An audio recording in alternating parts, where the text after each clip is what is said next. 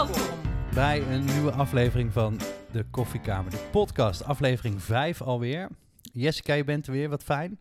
Ja, gezellig hè? Ja, vind ik leuk. hey, uh, we hebben vandaag uh, maken we even een uitstapje, zoals we hadden gezegd in de vorige podcast. Want we stappen even het onderwijs uit vandaag. Ja, we stappen over naar een uh, andere tak van sport, maar minstens net zo belangrijk. Namelijk naar de kinderpsychologie en we zitten hier met Fanny. Vertel. ja, hoi. Leuk om, uh, om hier vandaag ook te zijn. Ik ben inderdaad uh, kinder- en jeugdpsychologe en uh, ik werk bij een psychologenpraktijk in Tiel. Um, ja, werk daar met kinderen, jongeren, eigenlijk vanaf de leeftijd van 6 tot en met de leeftijd van 18. Alhoewel ik moet bekennen dat ik tegenwoordig ook volwassenen zie, maar daar gaat het vandaag wat minder over. Um, maar ja, inderdaad, een andere tak dan onderwijs. Maar ik kom natuurlijk wel in aanraking met, met kinderen en jongeren uit het onderwijs. Dus dat Absoluut. Ja. ja, ook zeker de reden waarom wij uh, het erg interessant vonden om dit gesprek eens aan te gaan. Ja, ja want jij ziet uh, veel uh, kinderen bij jou en mm -hmm. je hoort waar de kinderen tegenaan lopen op school.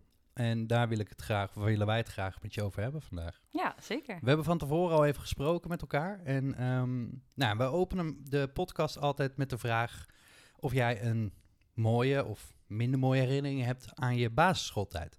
Oké. Okay. Um, ja, dan uh, als ik een mooie herinnering zou uh, moeten zoeken, moet ik daar goed uh, voor graven en diep over nadenken. Um, dan zou ik uiteraard wat kunnen verzinnen, maar ja, het is ook wel eerlijk om te bekennen dat, dat er eigenlijk nare herinneringen bij mij naar boven komen. Ja, um, ja best wel veel ervaringen gehad die niet zo leuk waren. Ik kan best een voorbeeld geven, weet niet. Ja, nou ja, precies, vertel. Ja, uh, nou ja, eentje die uh, in mijn hoofd wel springt is dat ik als kind best vaak ben uh, opgesloten in de wc door twee jongens die altijd aan het nou ja, rondklooien waren, zeg maar. En ik werd ook wel heel vaak aan mijn haren getrokken en nou ja, uitgescholden. Zelfs een keer in elkaar getrapt, dus dat zijn geen fijne herinneringen. ja. Echt het, het pestgedrag, zeg maar, wat we nou ja, altijd misschien wel voorbij zien komen in ons leven, ook wel überhaupt, maar ook in series en dat soort dingen. Um, maar echt dat. Ja. Als ik het zo goed hoor. Ja, ja, ik vind het altijd wel lastig te zeggen, omdat je, je hoort ook wel verhalen van mensen die het nog erger hebben gehad. En ik had gelukkig wel ook uh, wel vrienden met wie ik het leuk had. Maar ja, het was wel echt, uh, echt pesten. En ik had menig uh, dag dat ik echt niet naar school toe wilde of geen zin had in school. Ja. ja. Zijn er daarin dingen die je van school hebt gemist? Van een leerkracht bijvoorbeeld? Mm, ja, ik had wel uh, een leerkracht die mij wat langer kende en die uh, nou ja, hield me wel in de gaten. Dus soms had ik wel uh, nou ja, gesprekken erover. Maar eigenlijk pas op een veel later moment, volgens mij in groep 7. Toen pas was het echt duidelijk dat, dat ze nou ja, zagen dat ik er echt last van had. Dus toen mocht ik een soort van ja, cursus A-training volgen. En dat was dan met een aantal kinderen in mijn klas die ook gepest werden. En ja, daar moesten we eigenlijk gaan leren voor onszelf opkomen en stevig in ons schoenen staan, maar ook elkaar helpen als het gebeurde. nou ja, op zich heb ik daar wellicht wel iets aan gehad, maar eigenlijk kwam het voor mij wel te laat. Dus ik heb het niet, uh, nou, het heeft lang geduurd voordat ik dat echt kon toepassen en gebruiken. Ja, dat was eigenlijk ook het eerste wat in mijn hoofd schoot. Groep 7, ja, zit je toch wel een beetje aan het einde van je uh, basisschooltijd. Ja, ik kan me voorstellen dat het een beetje voelt, dat is iets te laat. Had iets eerder ja. mogen, zeg maar. Ja, en het is fijn dat we het alsnog hebben ingezet. Hè. Ik bedoel, het, het, het kan nooit kwaad. Sowieso fijn nee. om met andere kinderen die hetzelfde hebben erover te praten. Um, maar ja, je hebt al best wel een groot deel erop zitten. En dat heeft best wel effect ook op hoe ik over mezelf dacht ter zijn de tijd. Zeg maar, hoe, ja, hoe ik daarin uh, stond en wat ja. ik van mezelf vond. Ja, snap ik. Is dat ook de reden dat je werkzaam bent um, met als, als kinderpsycholoog?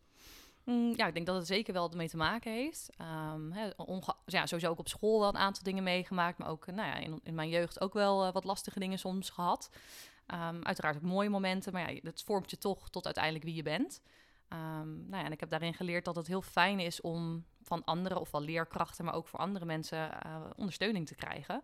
En als je die ook hebt, is het veel makkelijker om je weg te vinden. Um, dus ja, het leek me heel mooi inderdaad om iets te kunnen bijdragen. Uh, nou ja, bij kinderen en jongeren om hen daar eerder bij te helpen, in plaats van dat ze dat pas op een latere leeftijd ontdekken. Ja. En um, ik vind overigens dat je er heel stoer over vertelt. Want, uh, nou goed, ik sta zelf voor de klas. Hmm. Um, ik ken ook mensen die het zelf hebben meegemaakt, waar het een, een enorme impact uh, op heeft gehad.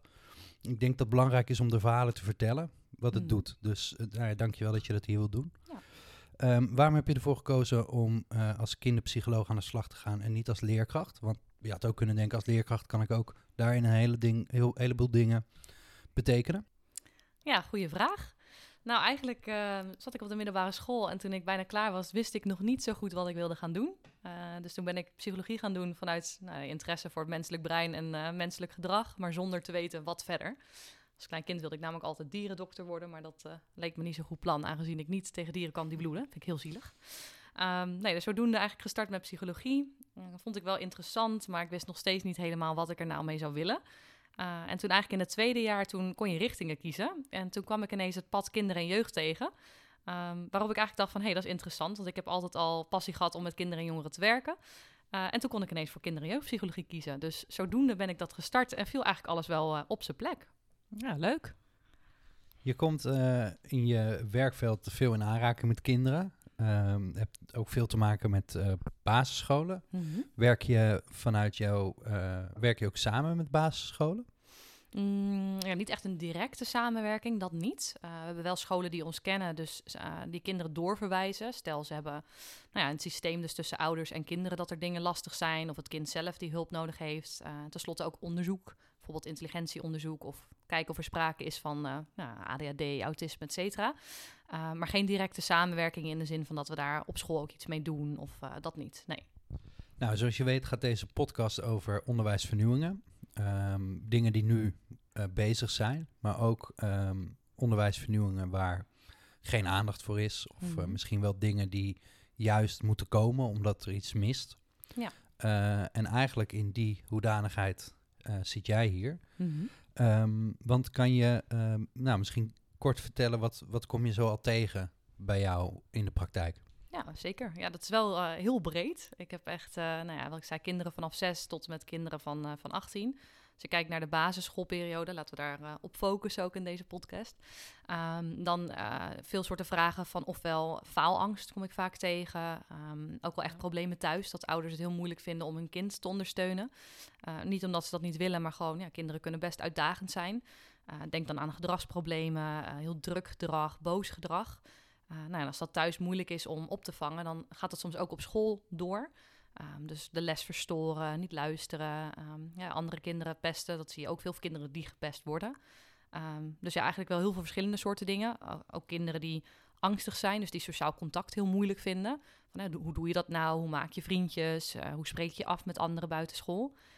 Dus dat zien we ook wel. Nou ja, bang dus voor toetsen, maar ook bang voor sporten. Dus ja, eigenlijk heel divers wel wat er voorbij komt. En heb je daar zelf ook een idee bij dat je, je hebt er best wel wat ervaring in, uh, inmiddels, dat je zegt van nou, dit is volgens mij de manier om dit te ondervangen of hier meer ondersteuning of begeleiding in te hebben. Hoe ziet dat eruit volgens jou? Mm, of ja. zou het eruit moeten zien? Ja, uh, nou ja, ik vind momenteel, als ze bij mij komen, um, hè, dan kan ik ze een stuk ondersteuning bieden. En dan gaat het daarna vaak gelukkig beter. Dat scheelt. Soms natuurlijk ook niet, hè, dan is er wat anders nodig. Um, maar wat ik heel veel merk is dat ik iets aan het behandelen ben waarbij ik ze help. Wat ik zonde vind dat het eigenlijk al zo ver is gekomen. Um, dus wat me eigenlijk heel mooi lijkt, is om in plaats van uh, eigenlijk te interventeren zoals we nu doen, dat we meer uh, gaan preventeren. Dus dat we pre preventief dingen inzetten om dat te voorkomen wat er gebeurt. En dat mm. zal niet in alle gevallen kunnen, maar dat zou wel een mooi uitgangspunt zijn. Ja, ja. En heb je daar dan nog een, een specifiek iets bij dat je zegt, uh, want hoe, hoe moeten we dat voor elkaar krijgen? Mm -hmm. Dus ik snap hem, hè? preventie, uh, het beter voorkomen dan genezen, zeggen we maar altijd. Ja. Uh, dat ben ik met je eens. Ik denk dat nou ja, het ook wel duidelijk is dat ik het eens ben dat er een hoop faalangst leeft in de basisschooltijd. En dat werkt door hè? in het volwassenenleven en in de maatschappij. Maar waar zou dat dan, of, of hoe hoe zou dat dan volgens jou aangepakt moeten worden? Ja, zeker. Leuke vraag. Um, nou, wat ik denk is als je kijkt naar kinderen die dus al op een gegeven moment faalangstig zijn... of die gepest worden of nou ja, die problemen hebben... dan zijn er wel een aantal uh, nou ja, mogelijkheden voor een stukje begeleiding. Al dan niet op school, dus bijvoorbeeld met een uh, SOVA-training. Dat is een sociale vaardigheidstraining. Uh, daar leren kinderen dan ook dus in hoe ze contact kunnen leggen... maar ook hoe ze voor zichzelf op kunnen komen. Nou, daar zijn meerdere varianten van en je hebt dat ook buiten school... Um, en wat ik nou zo leuk zou vinden, is dat dat niet wordt ingezet op het moment dat het nodig is, maar dus al eerder.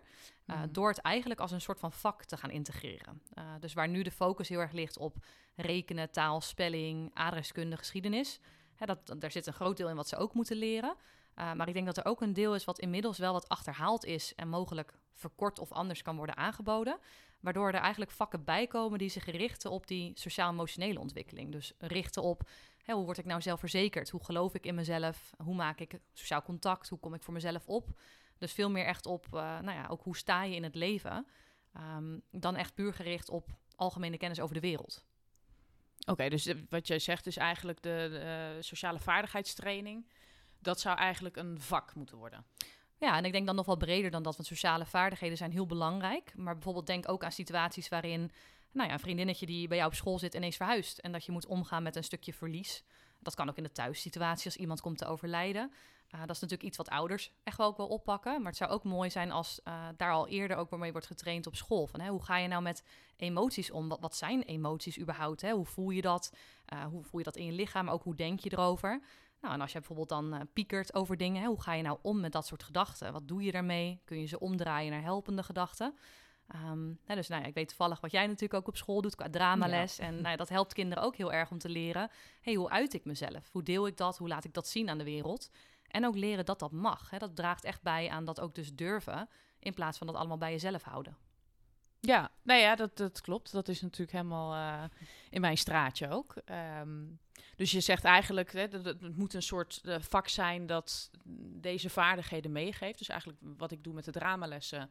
Ja, het zijn dramalessen, maar goed, dat gaat natuurlijk veel verder. We zijn veel meer bezig met het, het zelfvertrouwen opbouwen. Mm -hmm. Hoe kan ik presenteren? Inderdaad, wat zijn emoties? Hoe breng ik die over?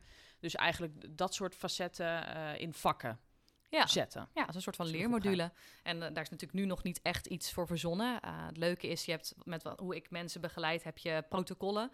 Uh, dat is eigenlijk pas op het moment dat iemand dusdanige klachten heeft, dat daar ook een label aan zit. Nou, ik ben zelf niet heel erg van de labels. Ik vind gewoon iedereen is zichzelf met bepaalde gedragingen en ja, dat maakt ook wie jij bent. Um, maar het zou wel tof zijn als je dan in een nou ja, leermodule een soort stappenplan kunt verwerken van nou, hoe werk je nou aan je zelfbeeld en wat zit er allemaal in? En dan kan je ook onderdelen pakken uit de behandelingen die ik geef. Uh, we hebben verschillende behandelingen die gaan over het versterken van je zelfbeeld. Uh, dat kan door middel van positieve gedachten bedenken over jezelf of ontdekken welke kwaliteiten heb ik als persoon, waar ben ik allemaal goed in, hè, welke, welke dingen vind ik lastig en hoe kan ik daar dan weer in groeien. Um, maar dus ook inderdaad die sociale vaardigheden. Misschien wel een stukje over omgang met andere kinderen. Uh, dus, dus, ja, eigenlijk voor elk stukje dat je daar iets voor verzint van nou, een paar blokken of een, bijvoorbeeld vier of vijf lessen die daarover gaan. En is dat dan uh, meer praktijkgericht of meer theoretisch gericht? Hmm, ik denk dat de combinatie heel leuk zou zijn. Hoe, wij, hoe ik in ieder geval ook echt werk, is kinderen een stuk uitleg geven over hoe dingen werken.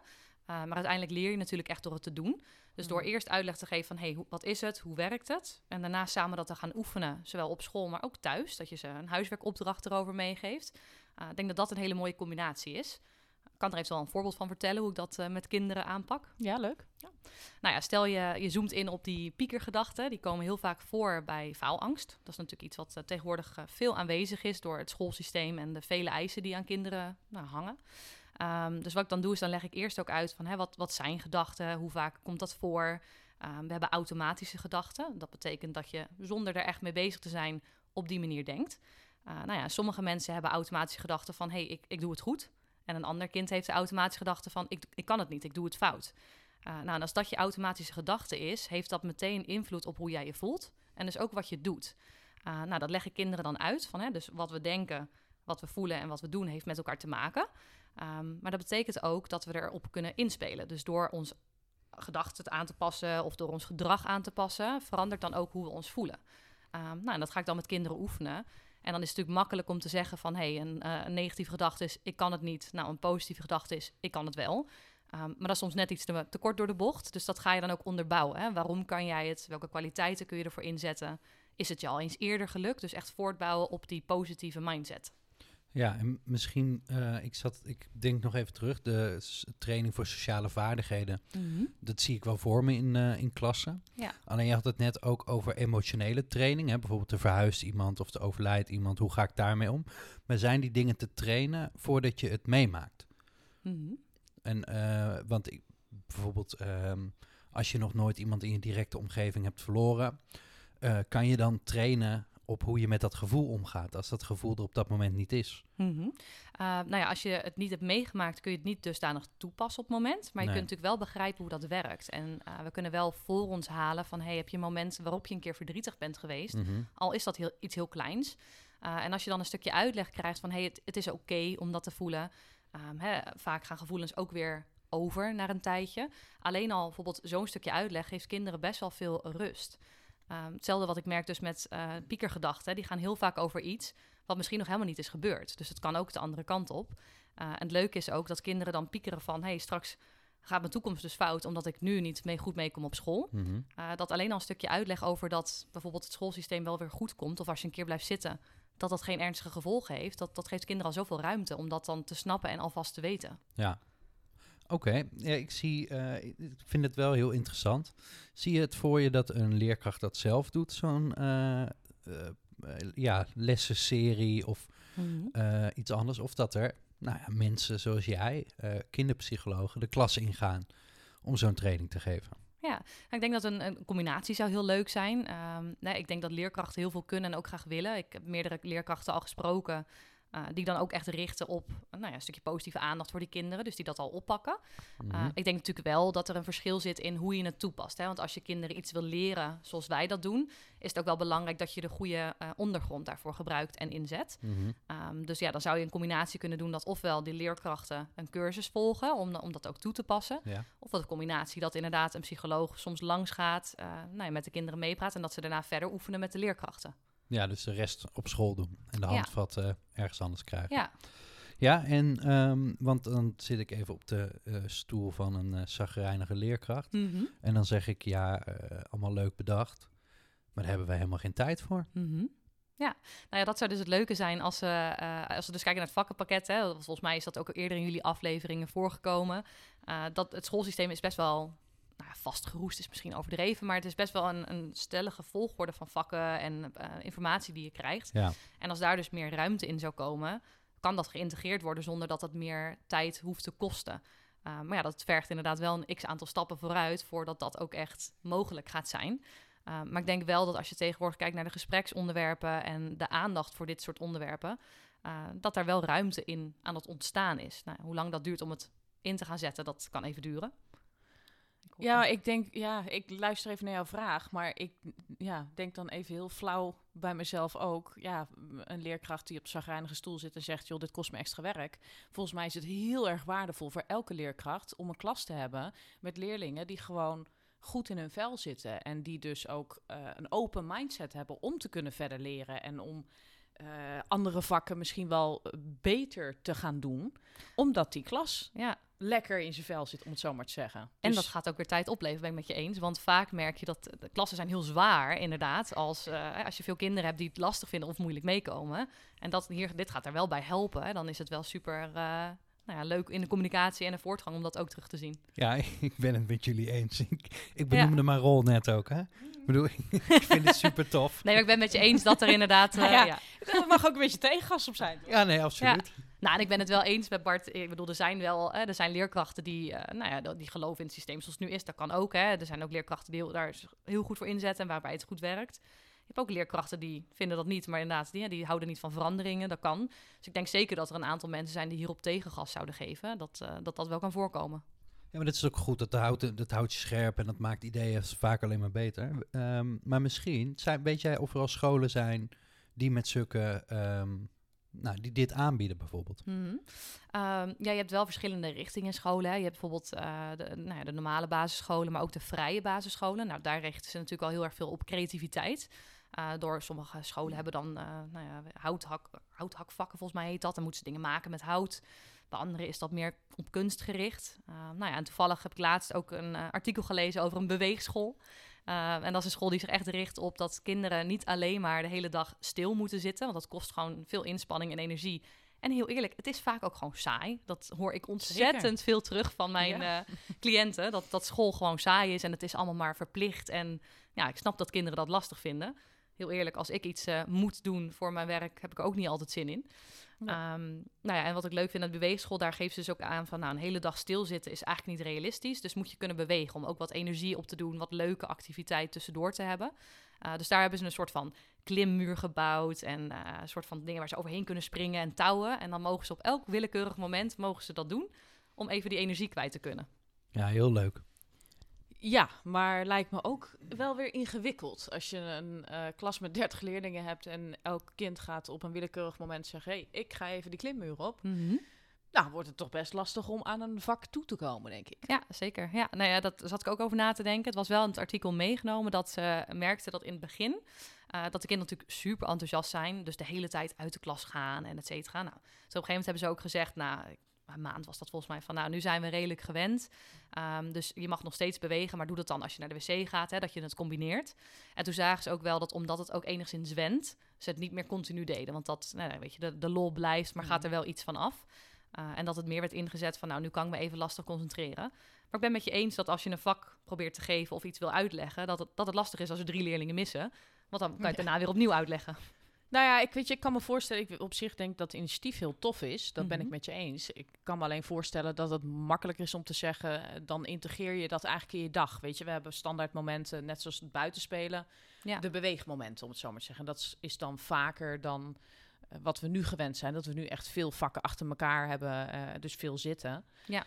Um, dat lijkt mij dan logischer of, of nou ja, ja, daar heb je ook uh, hoor. Werkbaar, zeg ja. maar. Je hebt ook uh, speciale scholen die gericht zijn op uh, kinderen met speciale behoeften ook. Hè. Denk aan kinderen met nou ja, ernstige ADHD of ernstig autisme. Die hebben toch andere ondersteuningsbehoeften soms.